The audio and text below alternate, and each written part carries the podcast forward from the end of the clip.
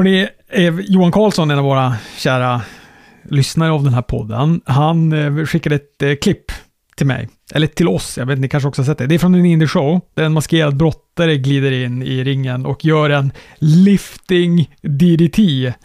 Den sliter den här tjommen av sig masken och då är det den här Sean Ross Snap. som, som jag tycker så ofantligt lite om. Den här som avslutar alla sina clickbait-meningar med “subscribe for more”. Ja, vad det heter SAP. Ni behöver inte rätta oss. Sap, är det så han heter ja? Inte Snap. Nej. Sap ja. Snap hade varit ett bra wrestlingnamn ändå om man hade lagt an sig i det. Då kanske det hade låtit mer, för det är väl, det är väl noll ljud när han tar av sig den där masken. Och de som är där, de typ sätter ner händerna i, i ansiktet i händerna bara. De säger ingenting, utan de bara dör, självdör när de ser att det är han. Eller de undrar väl också vem det är. Eh, Men det som jag tycker är så härligt med det här, eller också bedrövligt, det är ju att han då kallar den här specialgreppen, den här lifting diritin som han gör, han kallar då sitt specialgrepp för the paywall. Det är det han jävlas med. Han hade ju dykt upp på eh, Dax Harwoods livepodd och blivit totalt utbuad av publiken. Ja, det älskar han nog. Ja, han skulle väl vara där för att liksom stå till svars och vågade väl dyka upp och blev helt jävla grillad tydligen. Men är de på han också, att han håller på fara med osanningar och så vidare? Ja, men det, det tror jag. Men han får ju inte lika mycket skit som Meltzer såklart. Meltzer är ju mycket svajigare. Ivar rapporterar också.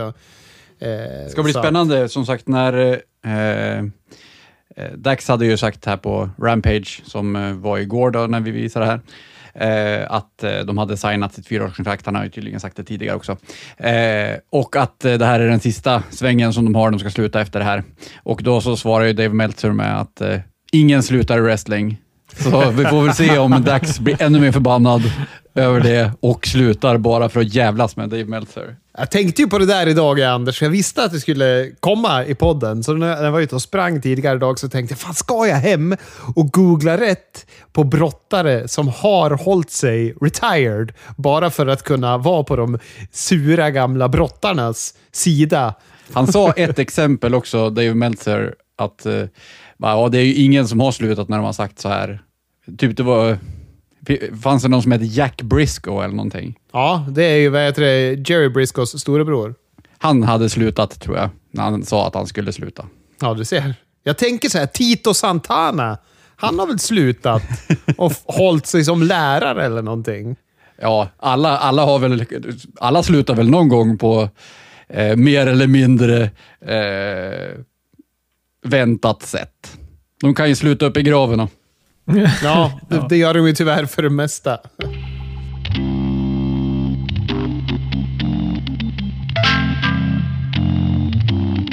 Ja, och vi får ju han. Vart har vi dig Marty? För fan, här. Marty, vi får honom äntligen i Dark Side of the Ring. Det kommer bli så fint. Det är väl därför Marty Ginetti har börjat dyka upp på internet och Facebook igen, skulle jag tro. För han har ju varit superaktiv senaste tiden. Gör han en Stacy Keebler? Ja, det här är hans Hall of Fame. Aj, aj, aj, aj, aj. Ja, ja det, det var eh, också någonting som Dave Meltzer sa, att han, eh, de läste upp alla eh, som skulle vara med. Det var Abdullah the Butcher och Sunny och Chris Candido. Ja, eh, och eh, Marty Jannetty som sagt. Och det enda han hade hört var om att Marty Jannetty-dokumentären skulle vara helt vrickad, för att Marty är ju galen i huvudet. Så Åh, vad kung! det, det kommer nog bli ett ganska spännande avsnitt det i alla fall. Det sjuka är ju att den mannen var ju bra så länge i ringen. Man kommer ihåg när han kom tillbaka och mötte Kurt Angle och bara Va? Kan han brotta så här bra fortfarande? Jag tycker att det var så roligt när de hade skrivit upp om alla de här namnen som de skulle vara med eh, på säsong 4 av Dark Side of the Ring. Och då stod det ju “A focused look on the troubled life of Marty Jannetty”. Så att de peggar ju upp redan på rubriknivå på att det här kommer vara ett stökigt avsnitt. Kul! Ja, och man längtar ju nu till att Dark Side of the Ring ska komma igång. Jag tycker det var bra ämnen den här säsongen också. Har vi fått ett datum eller? 30 maj går det igång. I, igång? Jag har varit dansk, ja. Men eh, jag känner inte till om den här eh, bilolyckan med Magnum TA.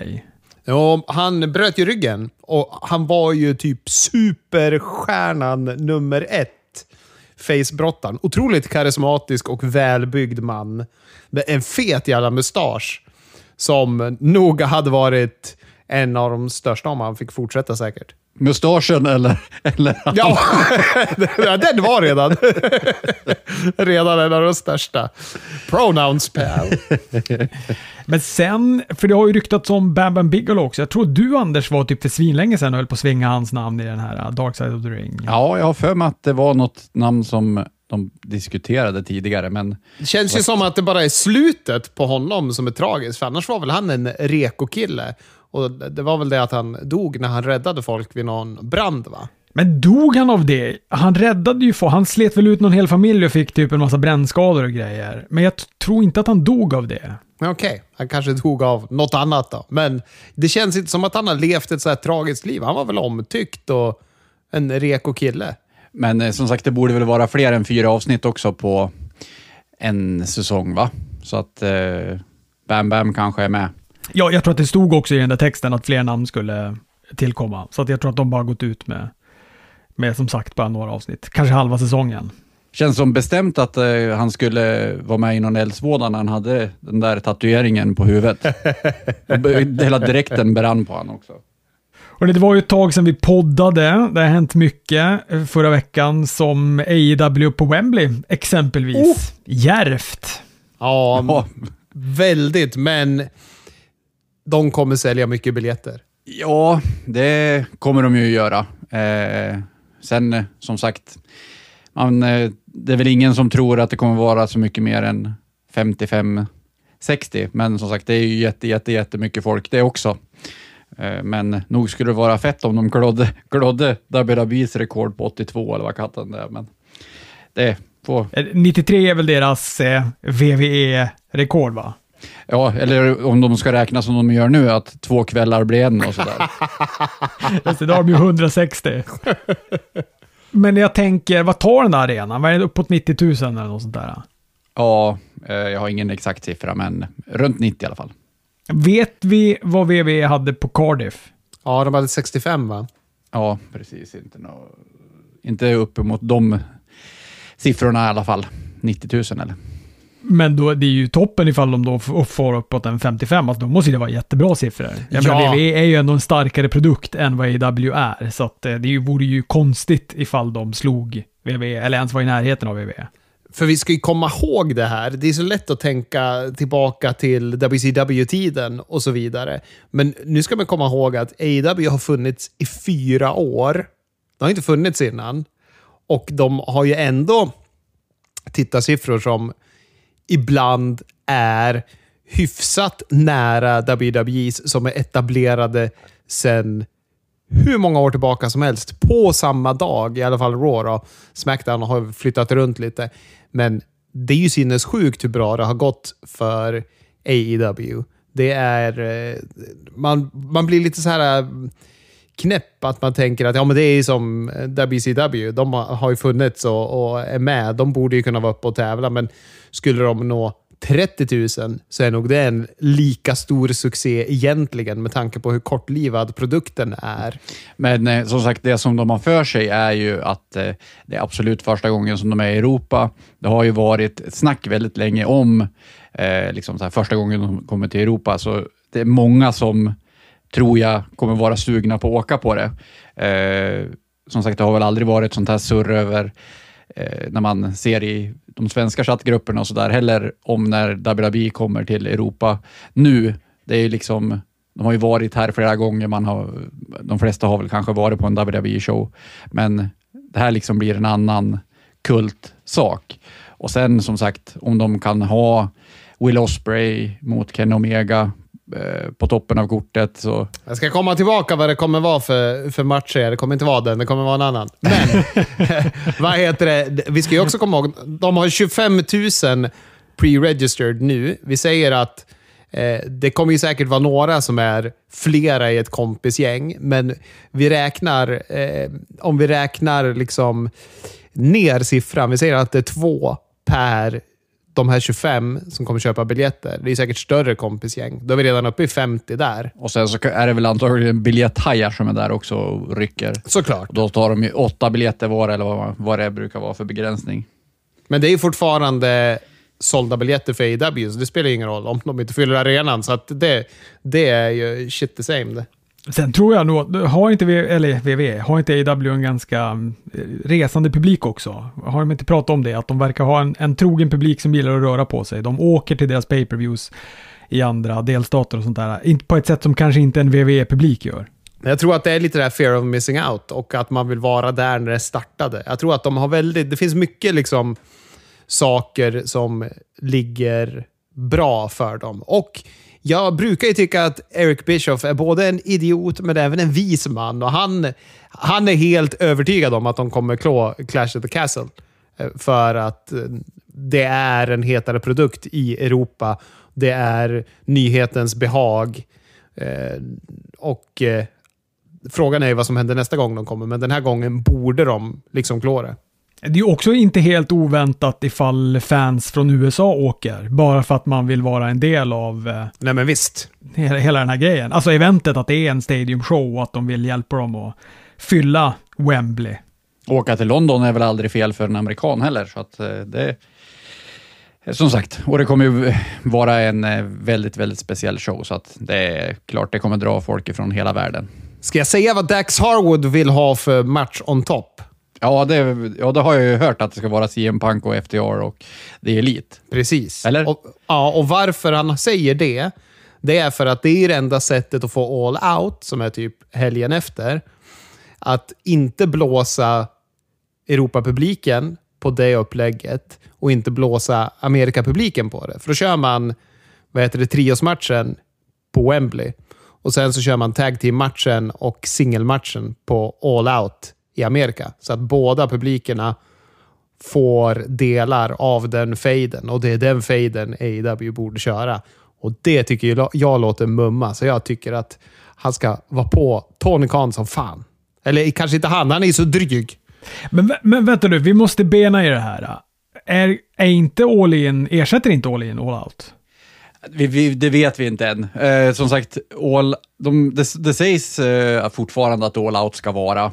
Eh, och det har ju pratats om att de ska byta ifrån den här eh, eh, arenan som de har varit på hela tiden till eh, United Center i Chicago istället.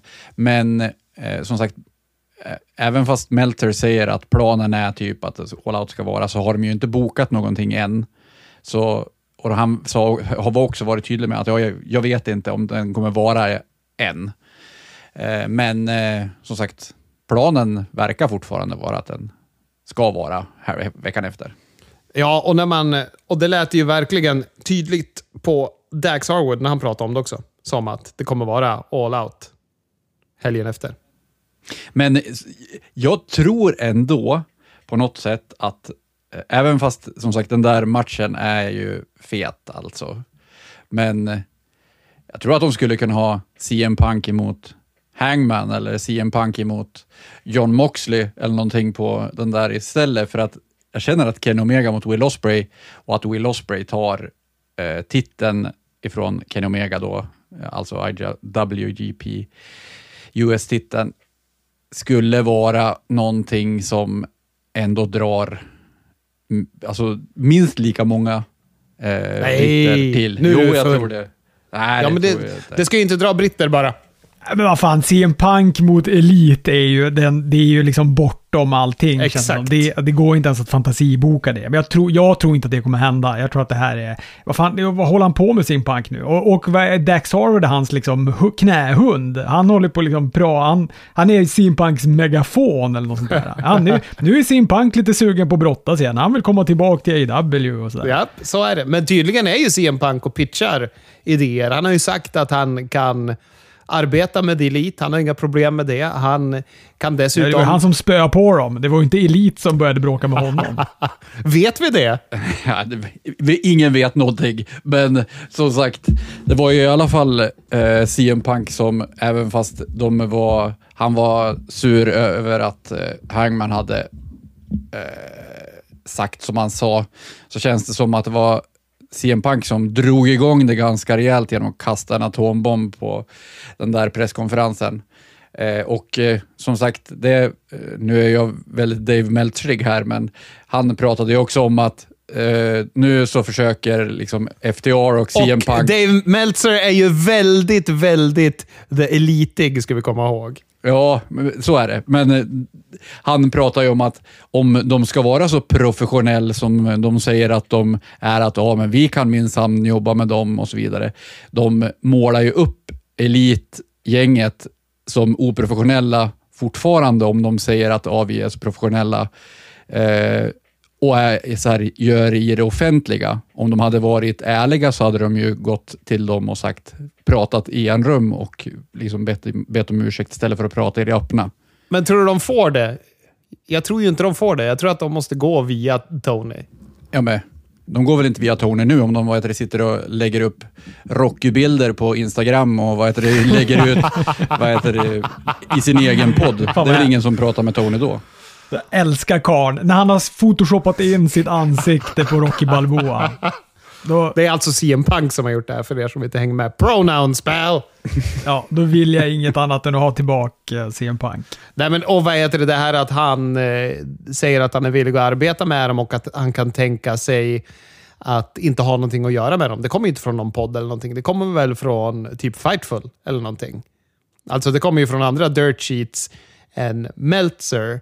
Men det kommer ju inte från någon podd och det kommer ju inte från något Instagram-grej. Så det är ju en jäkla dubbelmoral av Meltzer att säga så. Om han nu blir matad information från vad heter det, Bucks och Kenny, vilket det verkar ju vedertaget att det är så. Och sen sitta och tycka att det är fel eh, när CM Punk pratar å andra sidan.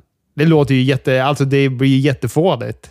Ja, jag vad heter det, håller med om att i så fall, de ska väl prata privat med varandra. Alltså hålla på... Men det gör de väl säkert? Tror ni inte?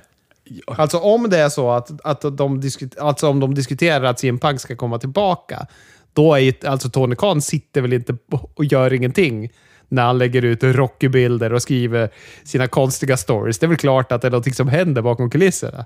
Ja, jag hoppas att de sitter och gör ägget. Ni vet när man sitter i ring och så den som håller i ägget är den som får prata och så får ingen annan avbryta. Vi... ehm, ja men för fan, alltså, men Anders är ju också med dig. Kenny Omega mot... ehm, mot ehm, Will Osprey är ju också en jävla toppenmatch. Det, det, alltså, skulle man få det så skulle det ju vara underbart också. Men vad är procenten på att vad heter CM Punk kommer tillbaka den här veckan då, Anders? Har vi någon revidering? Jag är nyfiken på riktigt. Nu har den väl gått upp lite igen, har ni inte det? Ja, jag tycker ju det. Ja, alltså nu, nu börjar det ju kännas, alltså alla säger ju att han kommer komma tillbaka som det känns nu. Eh, även fast de inte riktigt vet om det kommer vara eh, elitprogrammet som han kommer ha sen. Men eh, eh, ja, alltså, jag har ingen aning, men eh, det är 70 procent kanske då. Ja, men det är bra ändå. Det var väl 60 typ förra veckan, så det är toppen. Precis, jag tror det var 80, 80 för två veckor sedan. Ja, ja, exakt, exakt. Men det har ju gått upp igen, så det känns ju bra. Jag tycker det är intressant hur den pendeln har flyttats. För där ett tag så var ju alla, var ju 100% att han kommer inte sätta sin fot igen i AW. Och sen är det nu bara så här, ja men han kommer komma, men han kommer kanske inte vara i närheten av det elit när han väl kommer. Men, eh, Moxley kommer han vara i närheten av i alla fall, känns det som, om, om han håller på med sina rockbilder. Mm. vi ska återkomma till Moxley. Jag börjar känna mig lite orolig för honom, men vi kan ta det, eh, kan ta det när vi kommer till, eh, till att prata lite om, om Dynamite som var här i veckan. Vi måste ju också säga att Jay White debuterade förra veckan i första minuterna av AWs Dynamite. Jag tycker det var ett ypperligt sätt att debutera han på också. Att det inte kom i sista matchen eller i slutet.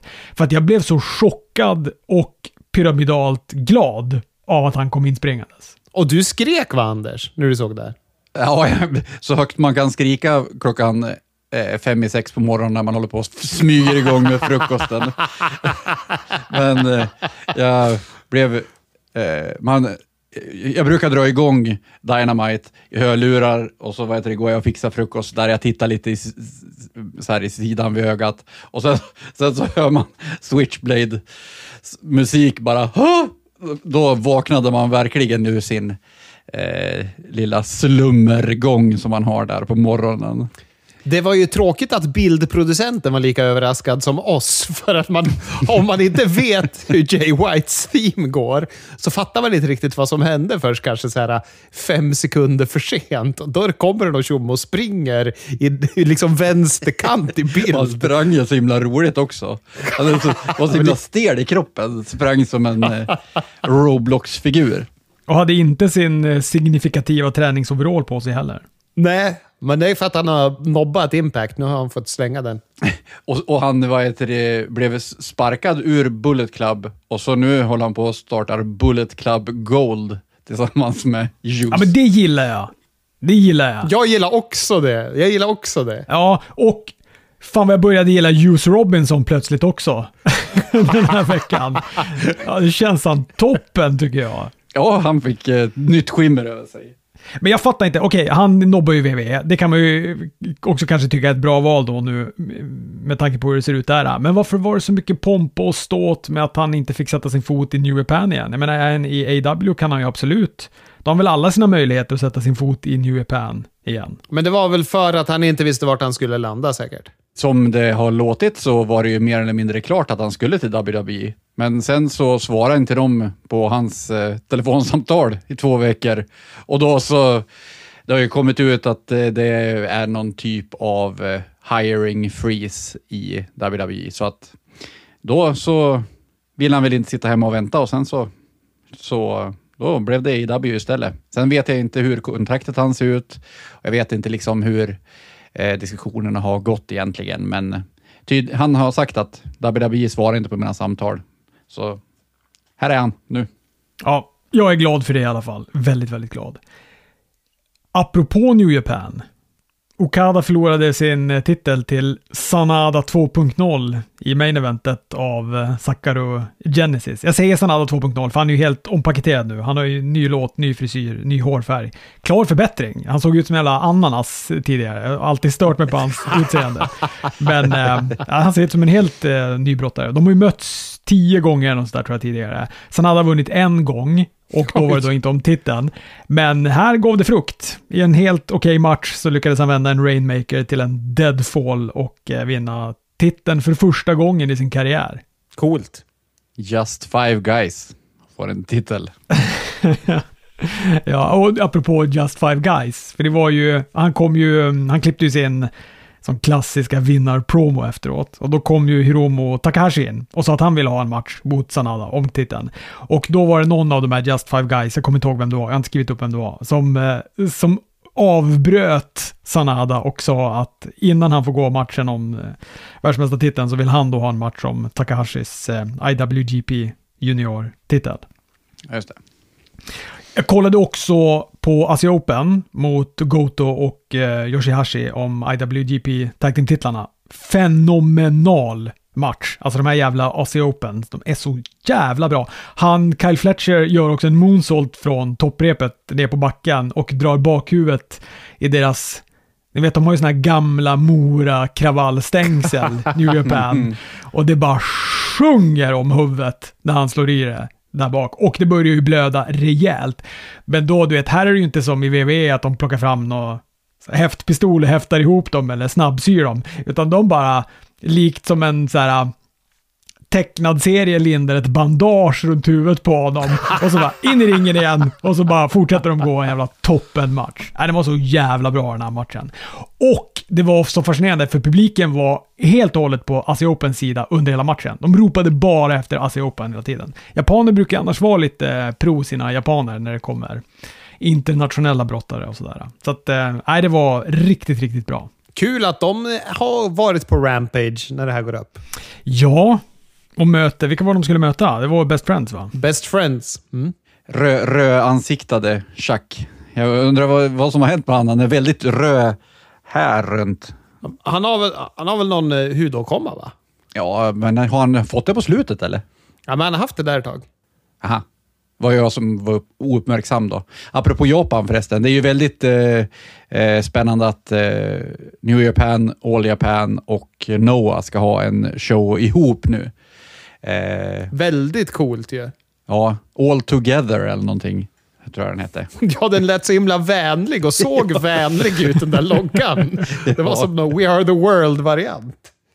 Sen eh, skulle jag stänga av, jag skulle bara kolla på de här två matcherna och kolla på Rampage och Battle of the Belt. Men då började Zack Sabre Jr. mot Shoto Omino. Och ni vet ju hur jävla svag jag är för Zack Sabre Jr. Så att jag var tvungen att kolla på den matchen också och den var också toppen. Och eh, det var så fascinerande för att här var det verkligen alla, alla i hela arenan ville att stackars Shota Omino skulle få vinna den här äh, titeln. Han har tydligen vunnit över Zack Sabre tidigare, men då inte gått om titeln. Och eh, så nu tyckte alla att det var hans tur, men eh, Zack lyckades då undvika Death Rider gång på gång på gång på gång. Och så sen i slutet, när det verkligen allt talar för att Shota Omino ska vinna den här matchen, så ska han precis då binda upp han i en Death Rider. Men då lyckas han vända den till ett sånt där, du vet, att han halkar till lite grann och eh, binder upp han i ett pinfall och vinner. Och publiken vet blir så besvikna av att Zack Sabre vinner. Och det passar ju han så bra också att nagla en sån vinst. Nej, fy fan. Den var också toppen den matchen.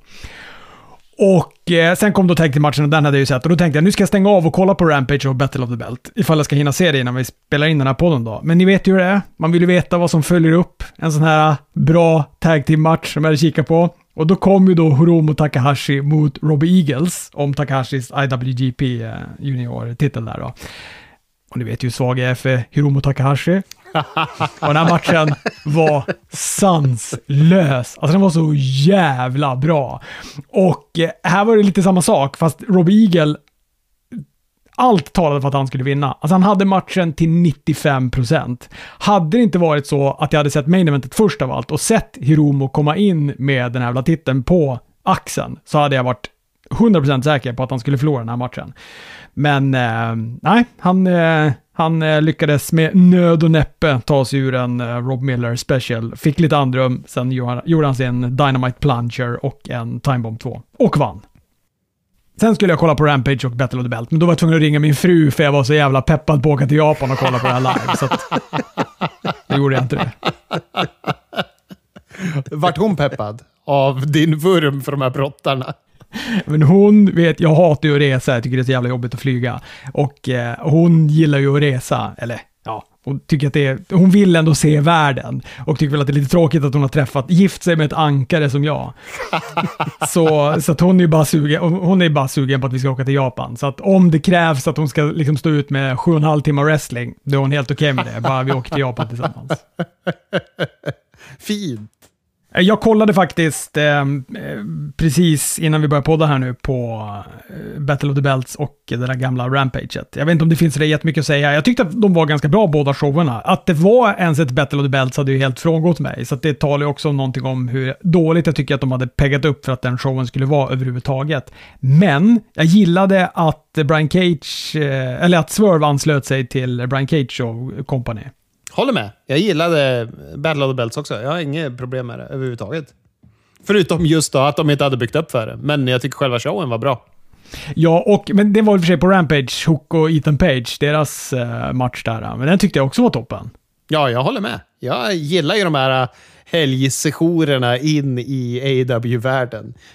Jag gillade, vad, heter vad tyckte du om hon eh, Billy Starks? Jag som mötte Jade Cargill, va? Eller? Ja, exakt. Ja, men hon var... De gjorde ett sånt bra jobb att pegga upp för henne. Ja, hon Ja, är 18 håller år gammal och bara typ har fått... Hon har håltimmar nu, så hon kunde springa, och gå den här matchen. Så, och jag tyckte Jade Cargill var bra i den matchen också. Nej, jag gillade den jättemycket. Ja, jag tyckte också att den var över förväntan. Eh, så roligt. Ja, ja, fan, jag tyckte det lämnade en god smak i munnen, det där Battle of the Belts. Ja, och, och det var väl kanske i och för sig också på Rampage, för det var precis innan de satte igång med Battle of the Belt. Men, och absolut, main eventet var en katastrof stundtals. Men Julia Hart, alltså hennes jävla gimmick är toppen. Och hennes entré är frän, hon gör den där karaktären bra. Det var väl bara kanske att det var kombinationen av en grön Julia Hart och en typ ganska skakig Anna Jay. Hon är väl skakig fortfarande från när hon skadade sig sist. Så det kändes som att hon brottades avvaktande. Men jag tror nog att eh, om bara Julia Hart får ordning på brottningen, då kommer det där bli, då kommer den där akten bli toppen. Ja, och hon är ju dunderung. Bara, bara det lilla. Ja, men hon är ju så ung också. Var hon 21 eller någonting? Ja, jo, hon är väl... Ja, ja 21 är hon nog. Jag tror de fyllde 20 för något år sedan. Men vadå Anders, tycker du hon är dålig eller tycker du hon gör karaktären dåligt? Nej, absolut inte. Eh, Men jag tänker att... Det är en liten detalj i sammanhanget, att man ska kunna brottas. Ja, men precis. Man är en wrestler. Det är en liten detalj att man kan wrestlas då. Nej, vad fan. Wrestling är väl 95% gimmick och 5% wrestling. Ja, kanske inte nu för tiden, men förr. Ja, st- st- eh, så här, eh, stjärnglans kan ju göra vem som helst såklart.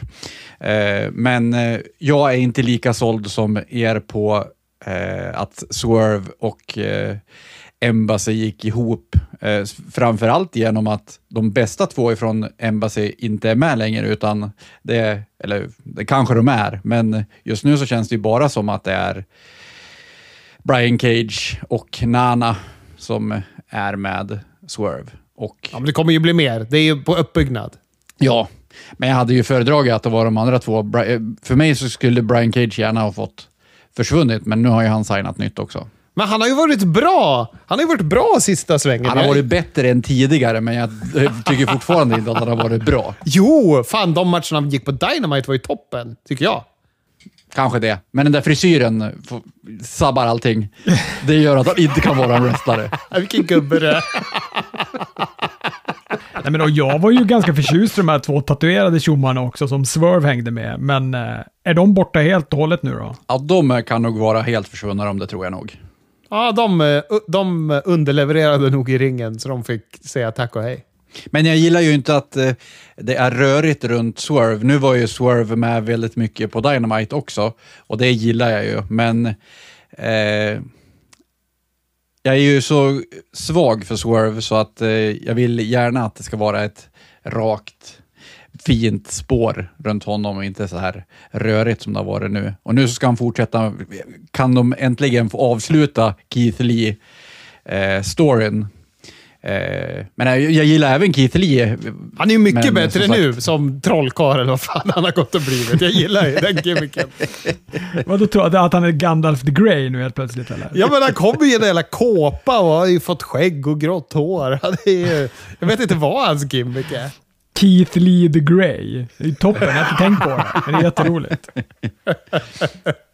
Ja, nej men eh, alltså när jag kände när han kom in och blandade sig i main eventet där mellan Chris Jericho och Keith Lee och, och kostade Keith Lee-matchen på Dynamite så kände jag ah, det är en evighetsfade här och den måste verkligen ta slut. Måste ta slut. Ja, men det, den kommer väl förhoppningsvis etablera honom på något sätt i den här nya rollen och sen så får vi ju honom mot Nick Wayne, har vi fått veta här i veckan. Ja, Berätta mer om det, Anders. Ja, men eh, som sagt, det blev ju... Eh, Nick Wayne tog ju den här Defy-titeln av eh, Swerve. Och eh, eh, som sagt, eh, då så utmanade ju Swerve Nick Wayne till en, ytterligare en match och den ska vara eh, på Dynamitet som är efter eh, Nick Wayne fyller 18. Så direkt, det är väl någon gång i juni tror jag som han fyller 18, eller i sommar, i sommar i alla fall.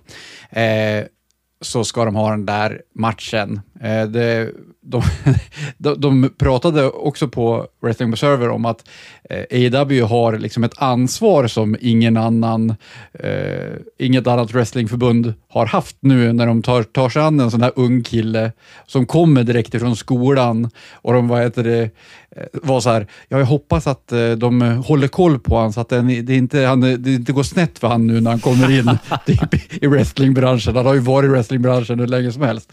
Men, eh, men eh, det är roligt när eh, eh, alla liksom oroar sig för att en sån här ung kille ska komma in. Det är inte så att de ömmar sådär för andra som kommer in då. Jag menar, de har ju andra 18-åringar som är där också. Så. Ja, vad fan, Billy Starks pratade vi nyss om. Hon är 18. Men det är ju bara för att man har följt när han har varit liksom 15 år och hållit på, antar jag. Han kommer alltid vara den här lillkillen. Swerve och eh, Darby gjorde ju en toppenmatch som öppning på, på Dynamite. Det vill jag bara säga till protokollet. Sen kom ju då MJF in och de började tugga. Kul, kan vi börja med att säga, att Sting fick eh, lite tid här. Han klippte en ganska lång promo. Prat, pratade mycket om Ric Flair och Kevin Nash och allt vad han Ja. pratade om. Slet fram pom-poms från bomberjackan. Ja, han var ju helt bananas. Ja, den var stökig men bra. Ja, verkligen. Jag har ju inte tittat på Rick Flairs Twitter nu, men eh, nu måste han ju ha gått i brygga när han eh, blev omnämnd och tackad och allting. Nu eh, älskar han väl AW. När jag hört om vad, vad Ric Flair hade för försvar kring varför han hade pratat bara om sig själv på Great Muta Inductionen. Va? Han bara, det, ja men vadå? 90% av publiken har ingen aning om vem Great Muta är. Varför ska jag stå och prata om honom? De vet ju vem jag är. Jag eh, tycker att det är spretigt med MBF att han ska ha upplägg med tre pers. Eh, Det, för mig hade det räckt med ett program med bara Darby. Djungelkillen och Sam Tai kan göra någonting annat. Ja, jag tycker framförallt inte att MJF gör det något bra i den här fejden. Sen kanske det är för att det är spretigt, men det är svårt att, att vara intresserad av den. Men jag tycker Darby var bra i matchen och när han gjorde sin promo här efter. Och, och som sagt, Sting var ju fantastisk, men rörigt, ja. Jag vill väldigt gärna att Darby får ta den där titeln någon gång. Det, där ett tag kändes det som att han var på väg att sluta. Han har inte till och med sagt någonting om att han är sugen på att börja runda av eller något sånt där. Man skulle liksom vilja att han får ha titeln innan han väljer att pensionera sig. Ja, men man slutar ju aldrig med wrestling, så att det är ju lugnt. men jag tycker att både Sammy och eh, Jungle Boy ändå har haft liksom de bästa promosarna som de har haft i den här fejden. Så att eh, eh jag tror att det kan vara bra för utvecklingen för dem. Sen så vet jag inte om jag, om jag känner att de är så att de ska vara där i main eventet än, men eh, nu så var det Pillars som skulle vara i main eventet, så att då blev det så. Men det känns som att de är ute på fel köl med Sammy Guevara. För de försöker positionera honom som face på något sätt när de fokuserar på honom på det här all access. Och han klipper ju promosarna till 95% mot MJF bara i den här fejden också. Då blir han ju face på något sätt. Och det kommer ju aldrig funka med honom. Han verkar ju svinsympatisk. Ja, men han, ser, han har inte den looken. Och sen så har han ju gjort så mycket dumheter.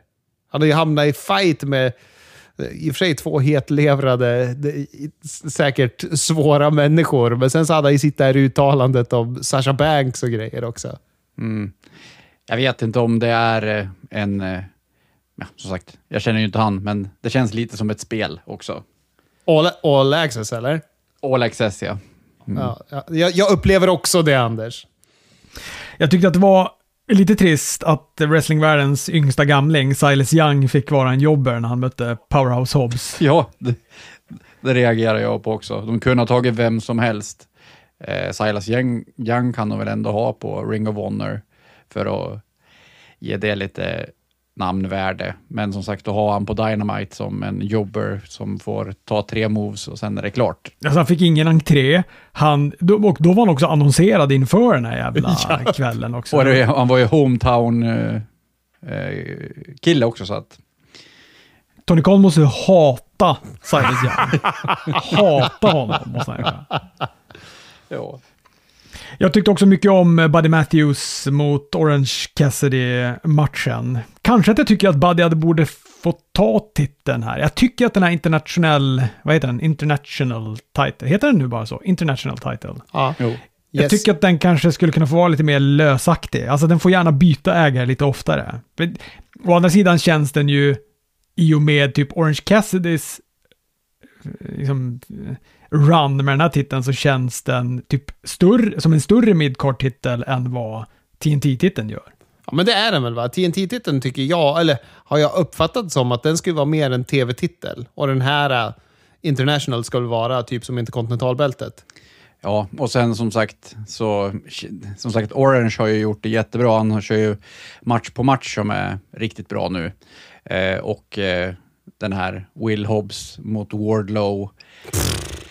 Eh, Angeln har ju varit lite tråkig. Nog för att de försöker göra det som en angle, men som sagt, när han, till exempel när han rullar in med den här bilen. Det var ju Det bara... var så WWE! Ja, precis. Det var ju så bara, de flaggade att okej, den här bilen ska vi förstöra. Men eh, de har ju inte byggt upp att det finns någon relation till den här bilen eller något sånt där tidigare. Nej, han hade fått den av QT dagen innan. Ja, precis. Han älskar den. Eh, och jag vet inte riktigt varför eh, Wardlow ska vara så himla arg så att han ska förstöra bilen. Ja, Ja, de hade ju förstört hans bil. Hans hyrbil. ja, ja. ja. Men tillbaka till Orange Cassidy. Han eh, måste ju vara fan en på nytt födelse av Ricky Morton på något sätt. Jag tycker han är så jävla kung i att vara den här underdoggen som bara får sälja hela tiden. Jag tycker han är så bra på psykologin. När han säljer en kroppsdel så är han ju han säljer den ju som att han är trasig hela matchen och sen så övervinner han oddsen och vinner. Tycker han är fan bästa underdog-facet de har i AEW. Han är ju så otroligt fascinerande för att det är ju en pajig gimmick. Och egentligen borde man ju tycka att det där är piss. Men han gör ju det så bra och han, eh, han är också gimmicken trogen. Ja. Men eh, ändå går han så här vettiga och bra wrestlingmatcher som man köper. Ja, med tiden så har man ju liksom glömt av det där fåniga, känns det lite grann, utan man är bara så här att okej, han är så där och så gör han grymma matcher. Bra, nu kör vi. Men hörni, hur mår Matt Hardy? Ja, hur mår Jeff Hardy? Både Matt Hardy och Jeff Hardy, hur mår de egentligen? Ja, alltså... Ska vi försöka återberätta Matt Hardys förklaring av vad som hände när Hook vann över Ethan Page? Vad stod det i det finstilta i kontraktet? Ja, då blev han ju fri ifrån The Firm. Och sen så, då, så skulle han boka en match där stipulationen var att han skulle bli fri ifrån kontraktet med The Firm.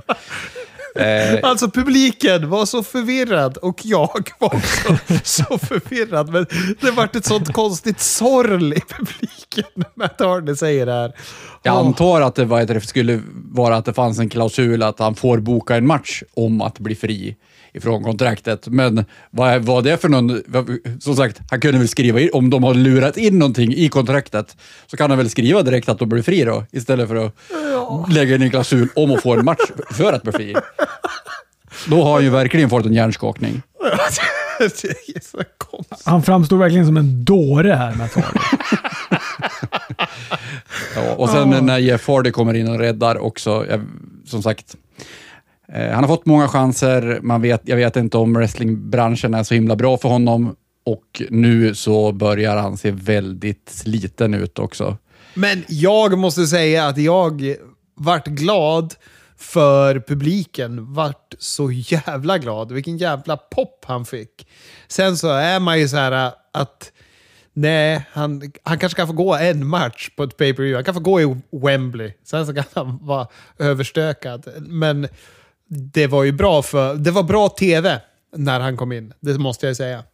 Ja, det är som när man, när, när man var på WrestleMania och eh, Hulk Hogans theme drog igång och man bara jublade högt och sen så kom man på att ja, just ja, han är ju kanske inte så bra kille han. Då sänkte man händerna lite lugnt. Men han är, med, är han La Parka nu eller? Han hade med sig en stol in också som han sprang omkring med. Ja, en motivlackad stol så att han har tagit La Parcas gimmick. Ja. Vi får se. Det, på ett sätt skulle det väl kunna få vara då, som eh, du var inne på, ge han typ en pay per view match och sen eh, går de i pension, Hardys. Så att de ändå får en, en karriär som slutar i dur. Ja, exakt. Ja, det hoppas jag. Eh, vi fick se Blackpool mörda stackars Nakazawa och Brandon Cutler. Alltså de mördade dem, stackarna. Och sen kom ju då Young Bucks tillbaka ihop med Kenny Omega, tog ut Blackpool. Blackpool. Gillar den här fejden jättemycket, men varför känns Mox som... Han känns trumpen. Han säljer typ inte riktigt när Bucks är på och sparkar på honom och man hör att han liksom står och svär åt dem och sådana konstiga grejer. Är han... Eh, är liksom är han nästa tjomme att balla ur i det här förbundet? Han har ju de tendenserna. Jag kanske tycker de är fåniga och oansvariga. Det skulle inte förvåna mig ett dugg. Fast jag känner ändå att det var så här sk- skönt nu. Eh, Young Bucks och Kenny har känns lite, de är ju så här skojiga liksom. Eh, men nu så kändes det ändå som att de blev lite seriösare och äv- även i den här promon som Kenny Omega hade innan så eh, var det liksom den seriösa Kenny Omega. Eh, så Jag tycker det var toppen också. Alltså, jag, jag gillar den här fejden. Jag är inte orolig för att Mox ska, ska göra en brawl out. Det tror jag inte. Nej, och vad heter han eh, dansade ju glatt vid sidan där när, när Cesaro gjorde swingen, så att det... Jag tycker att det känns som att Mox har sitt livstid ändå. Han har så himla roligt. Men eh, Ja, ja, ja, ja, ja. Kom ihåg vars ni hörde det först, när han väl ballar ut. Han börjar ju slita lös barrikaden. Interiören börjar ju kasta in i ringen utifrån publiken och såna grejer. Nej, han har, han har tendenser till att balla ur. Jag tror att han är nästa kille att balla ur.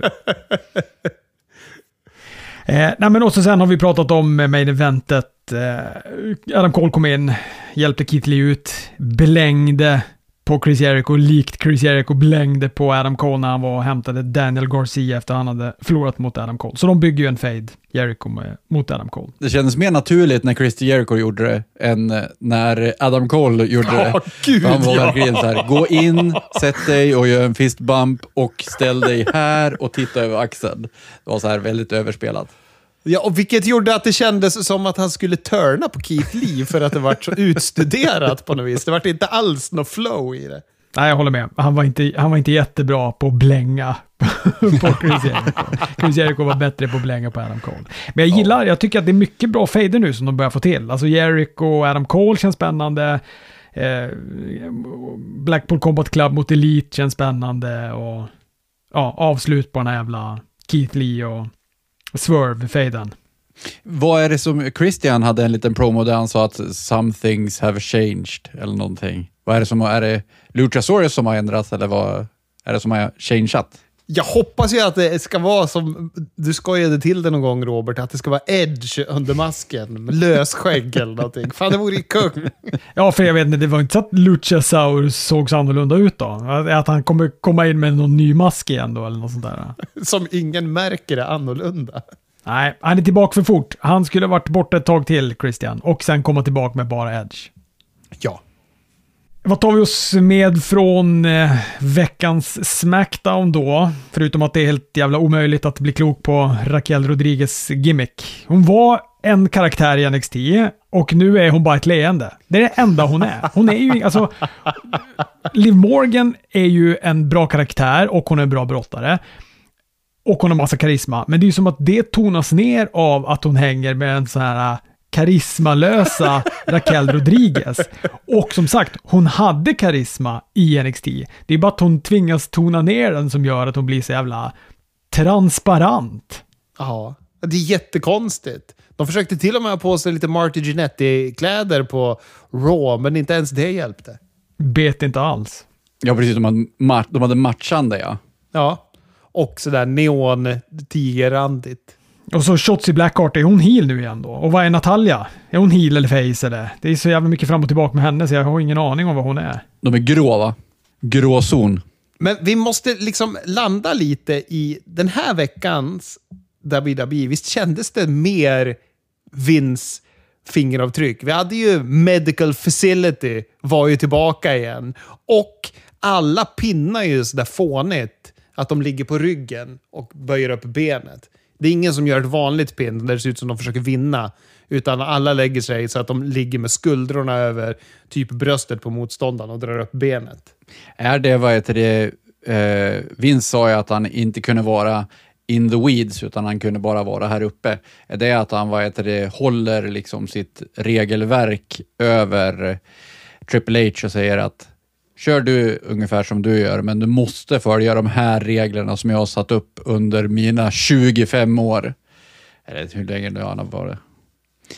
Eh, för som sagt, eh, och jag vet inte heller, det känns som att eh, eh, jag har inget specifikt eh, exempel på det, men Michael Cole känns också sådär som att han eh, har fallit tillbaka lite grann. Han känns lite mer inramad och inte lika så där fri och skojig som han har varit under de här månaderna när Triple H Nej, var. han känns inte lika glad på, på samma sätt som han har varit. Nej. Men jag tycker det är så svårt att göra den där bedömningen. För jag vet inte om det är vetskapen av att han är tillbaka som gör att jag tittar på det med andra ögon. Eller om det verkligen har blivit sämre. Nej, men visst. Och så kan det ju mycket väl vara också. Men sen så, som sagt, jag tycker också sådär att det känns som att det har blivit mer att de har ett möte innan med kommentatorerna och så vidare och så säger de ni måste verkligen trycka på det här. Typ när eh, eh, Ray Mysterio nämns, då måste ni nämna att han är en Hall of Famer. Eh, så att det är så här, helt plötsligt så nämns det 14 gånger i en Ray Mysterio-match att han är en Hall of Famer. Eh, istället för att man ska liksom titta på det som händer och prata om det, utan man ska ha vissa punkter som man ska följa bara. Ja, men det har du nog lite rätt i. Så jag vet inte. Jag vet nu när man vet, har börjat, det är så, som, som du säger Robert, att man har väl själv också börjat, man är så rädd över att vinst ska kliva in och ta över allting så att man bara eh, liksom ser spöken överallt. Så nu blir det så här att man lägger märke till någonting och sen så lyssnar man bara efter det och sen blir det liksom, det är vinst som är överallt. Men det är ju sak samma med när Triple H var in här på Smackdown och annonserade den här draften. Större än någonsin. Alla superstjärnor är valbara. Oh. Och det är ju så här, ja, de har ju urholkat den där brandsplitten helt och hållet. Det är svårt att känna sig upprymd för den, eller över den. Men hade det varit för en månad sedan, alltså innan jag visste att Vince var tillbaka, då hade jag nog kanske ändå kunnat vara, känna mig lite mer sugen på den än vad jag gör nu. Nu känns det som att den är ingenting. Men är inte det lite konstigt också att de annonserar att Triple H ska komma ut och prata, både på Raw och Smackdown. Men han säger ju ingenting som är så här äh, spännande. De, de har ju gjort det där bara för att poppa ratings antagligen. Du måste gå ut och prata. Folk förväntar sig att du ska säga någonting som har med Vince att göra. Det är som, det var det som jag skojade om i vår lilla chattgrupp om att Vince vill ha Gorilla Position för sig själv, så att han säger åt Triple H, nu måste du gå härifrån. Du måste ut och så får jag sköta det här. Det blir bara stelt om du sitter här och försöker prata också. Men det, det enda jag kan känna mig upprymd över då med den här draften, det är ju då att han trycker väldigt mycket på att alla är valbara. För då kanske man kan få se lite NXT-brottare komma upp. Då kan man ändå hålla tummarna för att Pretty Deadly och Ilja Dragunov och kanske Roxanne Perez och sådär kanske kan kliva upp. Ja, du tänkte så det. Braun Breaker kommer väl antagligen upp igen. Eller igen, till slut. Sen eh, kan vi väl också bara säga att starten på Smackdownet var toppen. Brawling Brutes mot Imperium i en six-man tag team match. Det känns ju som att de peggar upp för en Sheamus mot Gunter 2. Har han gått tillbaka till att bara heta Butch nu för att Bushwacker Butch dog? Eller är det för att Vince är tillbaka? För nu är det bara Butch. Nu är det inget Pete Dunn Butch-snack. Det var ju det på Twitter ett tag. Ja, precis. Men han har väl aldrig hetat Pete Dunn på tv va? Alltså... Aldrig, på, aldrig på tv, det var bara tror jag, på Twitter. Döpte han om sig till det eller? Ja, och sa någonting typ att titta vem som är tillbaka eller något. Ja, Nej, men nu som sagt, nu är Vince tillbaka, då tror jag att han kommer fortsätta vara Butch. Bara inte alla börjar tappa sina efternamn och så vidare igen. En annan grej som jag tycker vittnar om att eh, Vince McMahon har en hand över Raw och Smackdown nu för tiden. Det var ju på Raw när de eh, pratar om eh, WrestleMania Backlash. Alltså det hette ju Backlash hela tiden fram till förra veckan, eller fram till Raw. Mm. Nu har det då mm. börjat heta WrestleMania Backlash. Och yep. jag vet att jag tänkte ta upp det i podden förra veckan, att jag är så glad att de har skrotat att kalla det WrestleMania Backlash.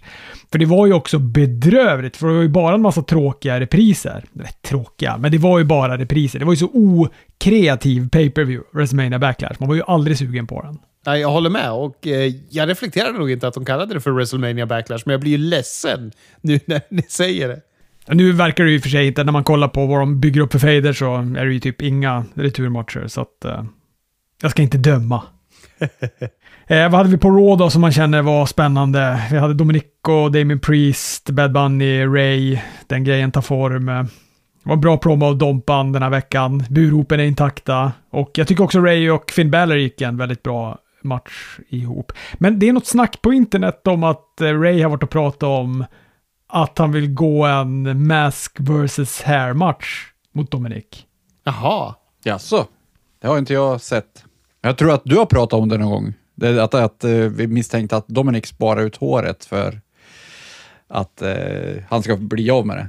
Ja, nej, men han, den där fina hockeyfrisyren, business in the front, party in the back. Den vill man ju inte att han ska förlora. Hoppas jag hellre att eh, Ray Mysterio blir av med masken så han kan slippa ha den.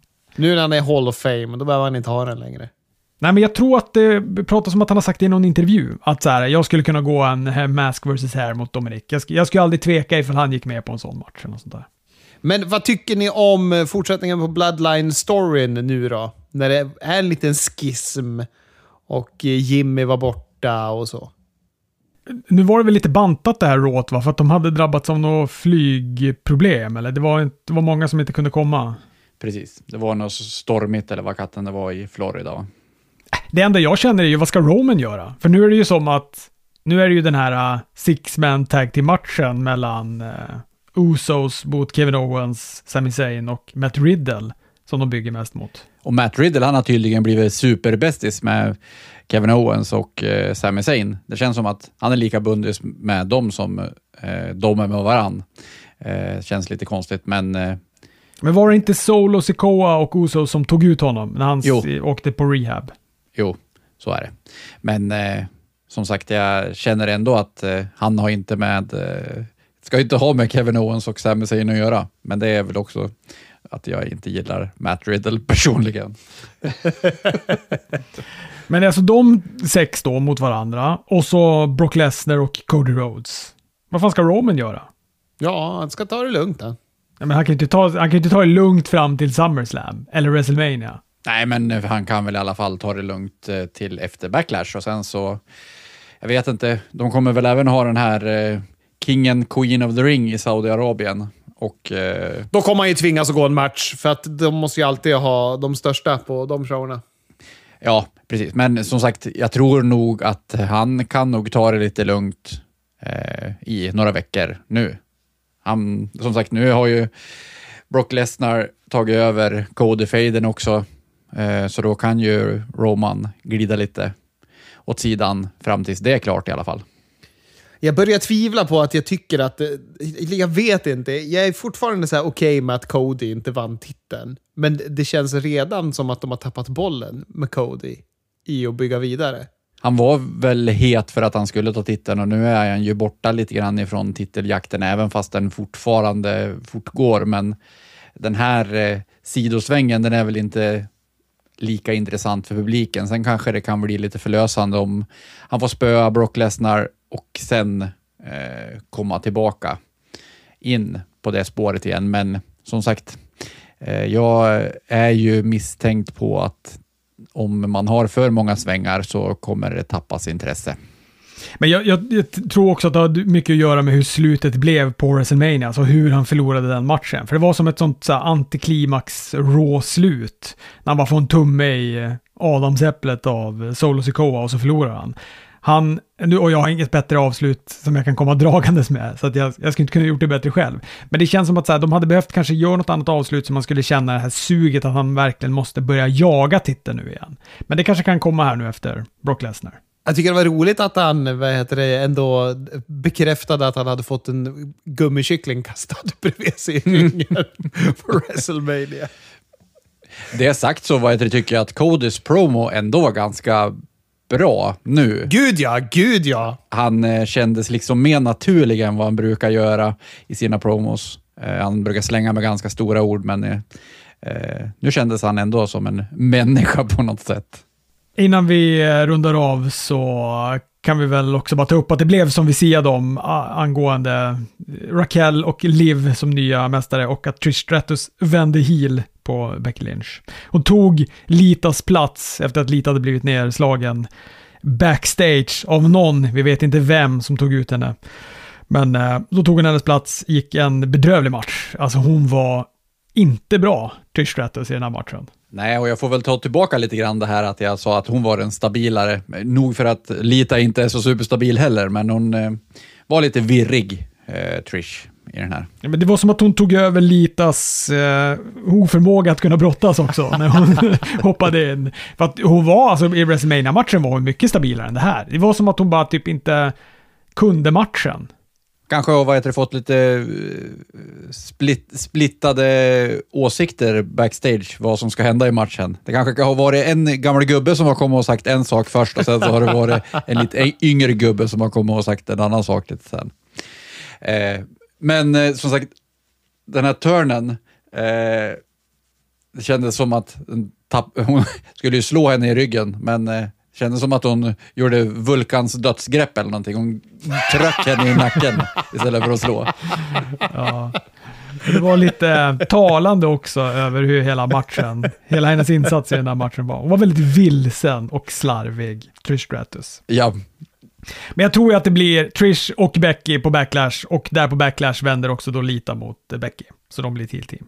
Men ska de fortsätta brottas mycket? Åh, ja, jag vet inte. Ka- Kan de inte vara, som sagt, kan de inte vara Hall of Famers som Ray, Ja, bara, var, fast inte brottas? Hörrni, detta om detta. Vi hörs.